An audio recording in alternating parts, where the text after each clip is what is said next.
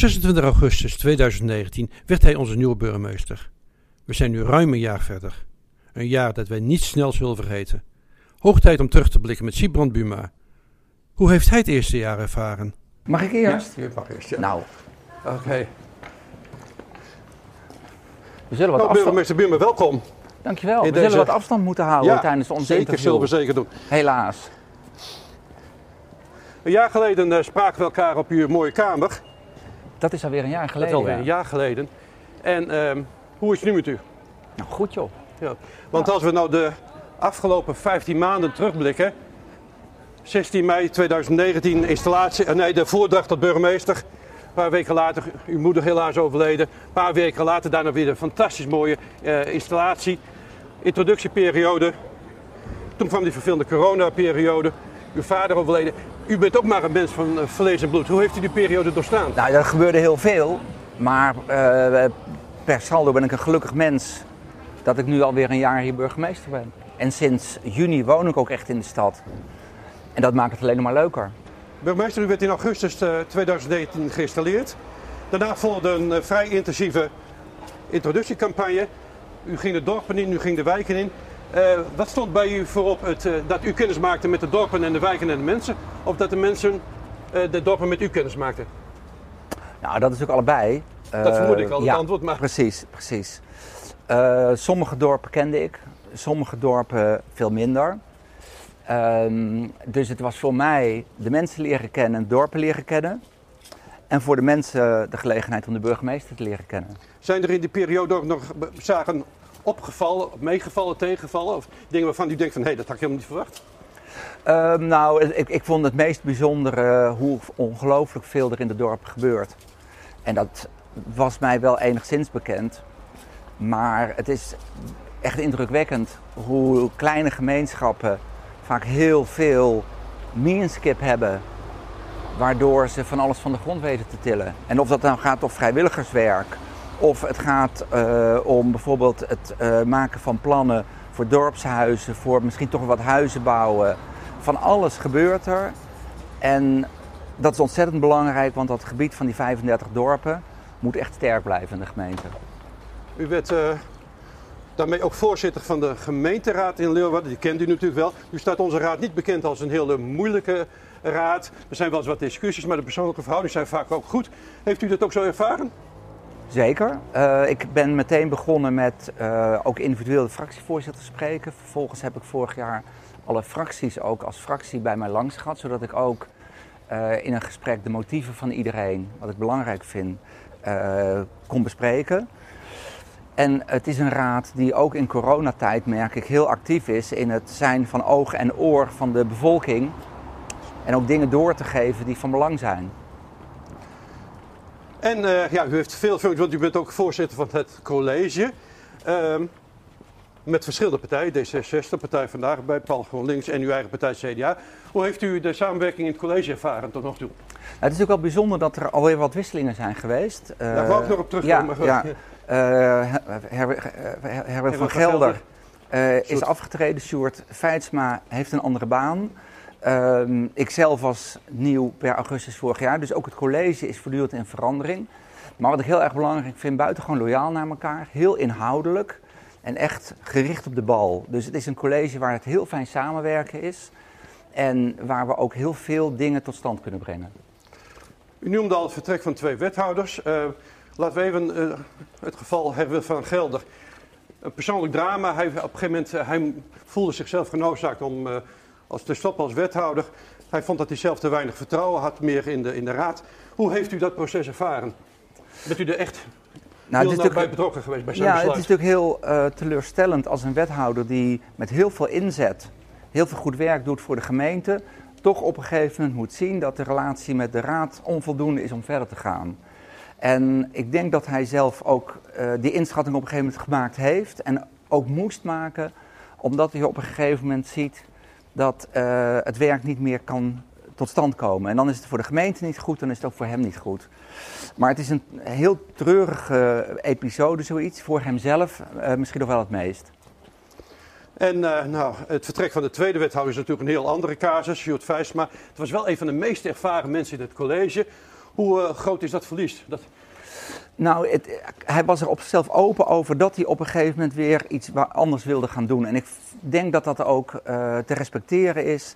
Hij heeft heel veel jaren in de gemeentepolitiek gezeten als raadslid, fractievoorzitter en uh, als wethouder. Dus het, we zagen het aankomen, maar het is een verlies juist omdat er van hem heel veel rust uitging en ook een bindende factor in het college.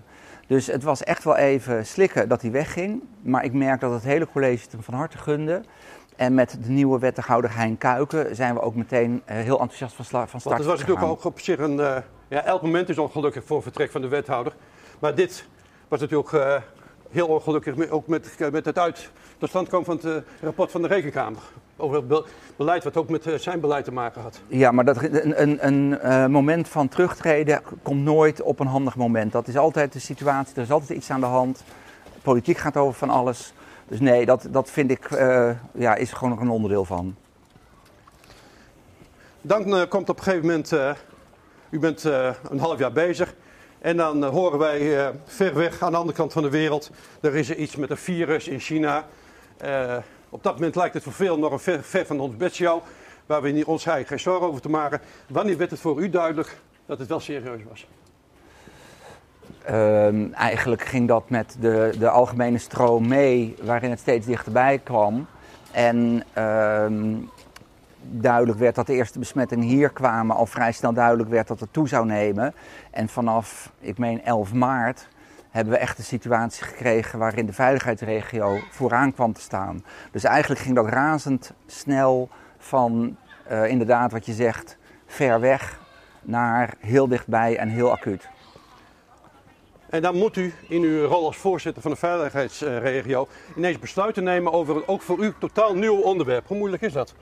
Ja, dat geldt voor iedereen natuurlijk. Ja. Um, maar die structuur werkt heel goed. En dat, dat vind ik ook eigenlijk wel weer bijzonder. De hele constructie van zo'n veiligheidsregio, wie neemt welke beslissingen, is ooit op papier gemaakt uh, en moet zich bewijzen in crisistijd.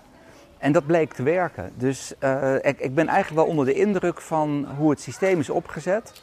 En ook hoe flexibel de mensen zijn om het uit te voeren.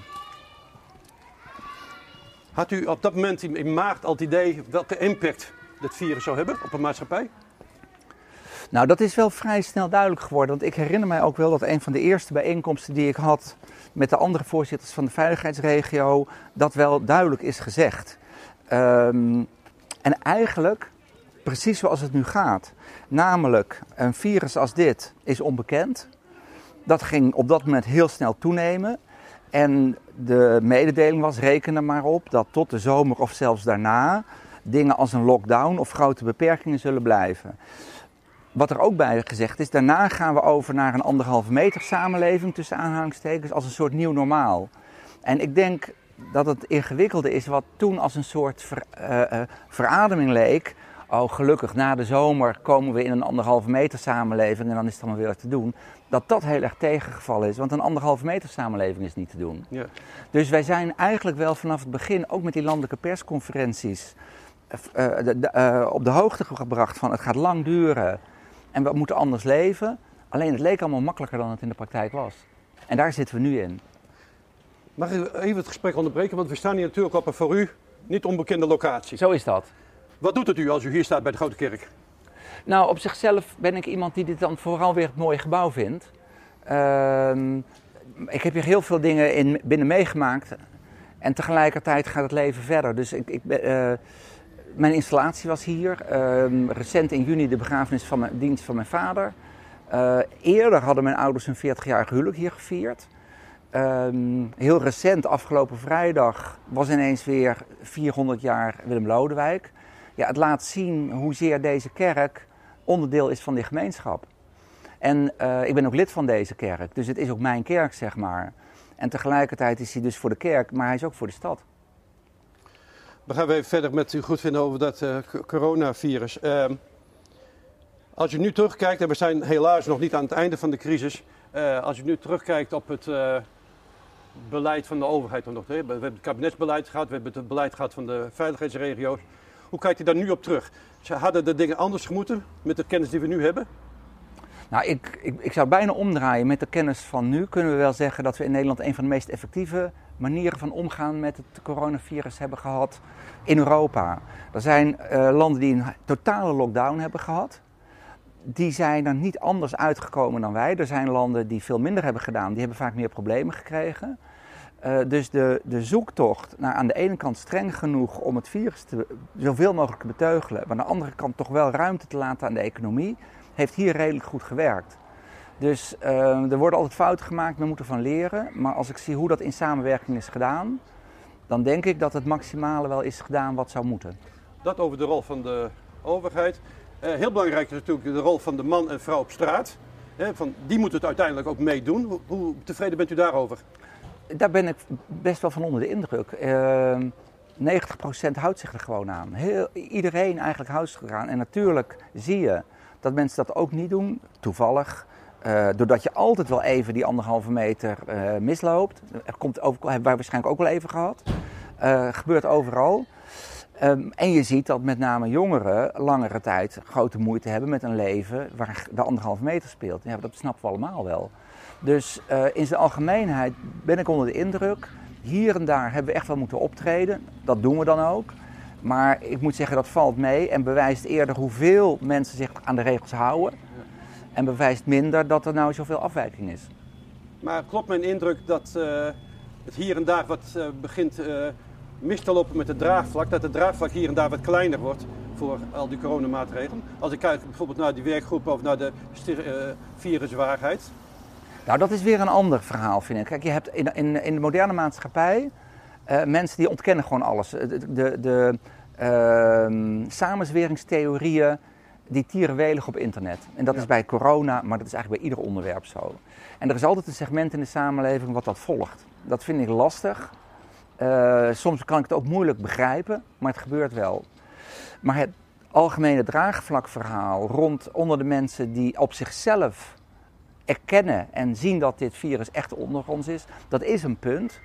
Ook daar zeg ik, ik vind dat de meeste mensen zich er heel goed aan houden. Maar ik denk dat, we hoeven niet naar andere mensen te kijken, ook voor mijzelf geldt dat ik echt wel had gehoopt na de zomer ervan af te zijn ja. en weer normaal aan het werk te kunnen. En dat is niet zo, dat valt ontzettend tegen. En ook mij valt het zwaar dat ik gewoon in mijn privéleven langer dan ik dacht, iedere keer weer die afstand en iedere keer weer alles wat je doet moet je uitstellen. Ieder feestje wat je wou geven gaat niet door. Um, dat is gewoon heel vervelend voor iedereen. En dat mensen daar dan genoeg van hebben, snap ik. Dat is alleen één probleem. Het is een echte crisis en het virus is er echt. En wij zijn niet gewend, uh, en dat kan ook haast niet anders, om iets te hebben waar we niet de baas over zijn. We zijn heel vaak in staat om dingen toch wel weer te regelen. Ik denk de crisis van 2008 die was heel groot, maar uiteindelijk werken we ons er weer uit. Maar dit, daar werken we ons pas uit als er een vaccin is. En dat vaccin is er pas als ergens een onderzoeker het kan en als vervolgens het getest is en werkt. Dat hebben we niet meer in de hand. En dat voelt heel ongemakkelijk. En dat is de aard van deze crisis. Maar als we dan toch, uh, de, wat u dan ook noemt, de, de, de complotdenkers, de ontkenners, als die uh, roepen van het, is al, het valt allemaal mee, er is helemaal geen virus, wordt u dan niet zelf emotioneel omdat u weet dat het anders is? Nou, ik zou graag willen dat mensen zich kunnen laten overtuigen. Maar als ik net gisteren weer de Amerikaanse president hoor zeggen dat er geen klimaatopwarming is, dan zijn er wel bepaalde voorbeelden die meedoen in uh, dit soort theorieën. En het kan allemaal onzin zijn, maar ze zijn er. Dus er zijn echt twee dingen. Voortdurend goede voorlichting geven. En tegelijkertijd ook realiseren dat in de wereld met internet en vrije nieuwsgaring er altijd mensen zijn die de verkeerde kant volgen. Want dat is de verkeerde kant. Het is onder ons, het is een virus, het verspreidt zich snel en we zullen het uiteindelijk de baas moeten worden. Wim Kant zei ooit: uh, voorspel is moeilijk, zeker als de toekomst uh, betreft. Hoe lang ga, gaat het nog duren, denkt u, deze coronacrisis? Nou, dan begin ik weer even met inderdaad Wim Kan. Uh, mooi dat hij hier toch even langskomt. Um, er is geen toekomstvoorspelling. Het enige is dat uh, tot nu toe zien we dat het allemaal langer duurde dan we dachten. En we zullen dus een soort, ja, uh, toch ook weer relaxedheid moeten hebben over het feit dat het niet anders is. Dit, dit, is de wereld waar we in zitten. En we moeten erkennen dat het een diepe crisis is. Dit is niet normaal, dit is, dit is niet fijn, dit is groot. Uh, tegelijkertijd is er, zijn, de twee dingen zijn hoopvol. Er wordt gewerkt aan een vaccin en dat lijkt erop dat het wel gaat komen. Het kan namelijk ook dat het nooit komt, maar het vermoeden is dat het er wel komt. De snelheid, ik heb het er gisteren nog over gehad. De een zegt voor kerst, De ander zegt duurt nog drie jaar. Ik weet het niet. Maar het is elk jaar kerst, Maar- dus het zal ooit een keer voor kerst zijn. Zo is dat. Oh, Komt vast ook van Willem Kan. Weet Dat zal niet. Maar, ja. Tweede, eh, er komen wel steeds meer mogelijkheden om de ziekte ook te bestrijden als je hem hebt. Dus bij veel opnames zitten tegenwoordig veel minder ziekenhuisopnames. En we hoorden eh Diederik Gommers net zeggen dat ook de opnames in IC's veel korter worden. Dus er komt een moment van perspectief dat we het onder controle hebben door een vaccin. En tot die tijd zien we dat de effecten van de ziekte afnemen. Wat niet minder wordt, is de snelle verspreiding. Het is nog net zo gevaarlijk, het is onder ons en je ziet ook als een paar mensen ziek zijn, dan gaat het zo helemaal stijgen. En we weten ook nog niet hoe ver het dan door kan gaan en hoeveel mensen niet toch weer op de IC komen. Dat is het probleem. Betere behandelmethoden en zicht op uiteindelijk een eh, vaccin is het hoopvolle. Een onderwerp waar elke burgemeester mee te krijgen heeft, is de Zwarte Pieten discussie. Op zichzelf moet ik nog daarvoor zeggen dat het alweer bijzonder is dat het half september is. 30 graden. En dat we weer over het onderwerp Sinterklaas praten. Er waren tijden dat je er eigenlijk voor eh, half oktober, begin november niet over sprak, behalve pepernoten in de winkel. Ja. Dus op zichzelf vind ik, wil ik toch nog even markeren dat, eh, dat het wel apart is dat we het hele jaar mee bezig zijn. En zou ook al hopen dat we eh, op een gegeven moment een situatie bereiken dat we een, eh, de rust in de discussie hebben. En gewoon een mooi feest, wat in november begint en wat in december is weer dat niet heel ophoudt. idealistisch, burgemeester? Want de discussies zijn natuurlijk alweer zowel van de voor- als de tegenstanders. En het gaat natuurlijk om de kinderen, hè? Ja, maar ik mocht het toch even zeggen. Ja, ja, ja. Maar hoe lossen we deze discussie Nou, op? hoe lossen we de discussie op? Eén, mijn stelling hier is altijd geweest dat het een feest van de samenleving is.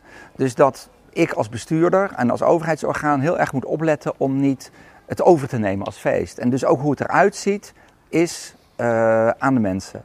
Dat feest is nu aan verandering onderhevig. En dat is op zichzelf ook weer interessant. Eh, want ik bedoel, het is een discussie, liever gewoon een, een feest zonder discussie. Maar je kan het soms niet voorkomen. Die discussie vindt plaats. Je ziet dat het overal gaat veranderen. Inmiddels heeft de voorzitter van het comité in Leeuwarden ook gezegd dat het gaat veranderen.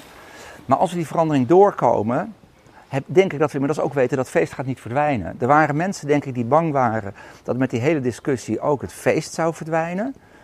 Dat gebeurt niet. Maar we zijn wel nu in een ingewikkelde fase. Dit jaar zal anders zijn, want er is nauwelijks een intocht.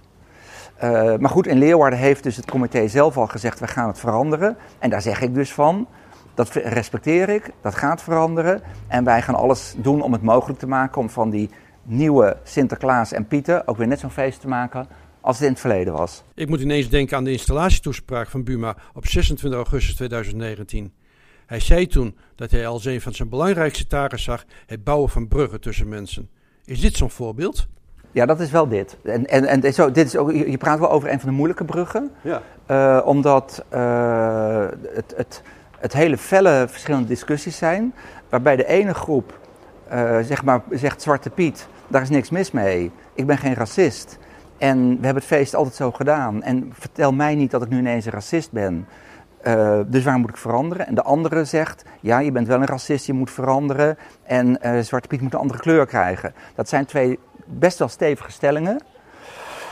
Maar waarvan ik vind dat ik als burgemeester ze wel zoveel mogelijk aan één tafel moet brengen. Om zoveel mogelijk ook begrip voor elkaar te krijgen.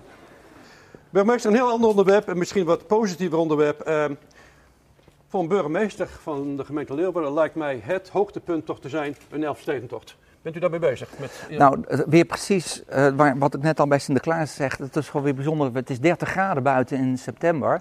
Maar dat is ook wel een beetje een deel van het probleem. Want de opwarming van de aarde heeft gewoon gevolgen.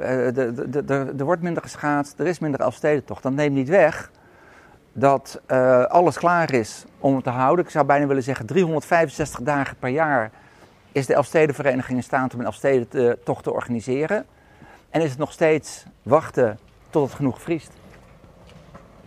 Maar het is niet helemaal een antwoord op mijn vraag. Want mijn Oh. vraag was eigenlijk van...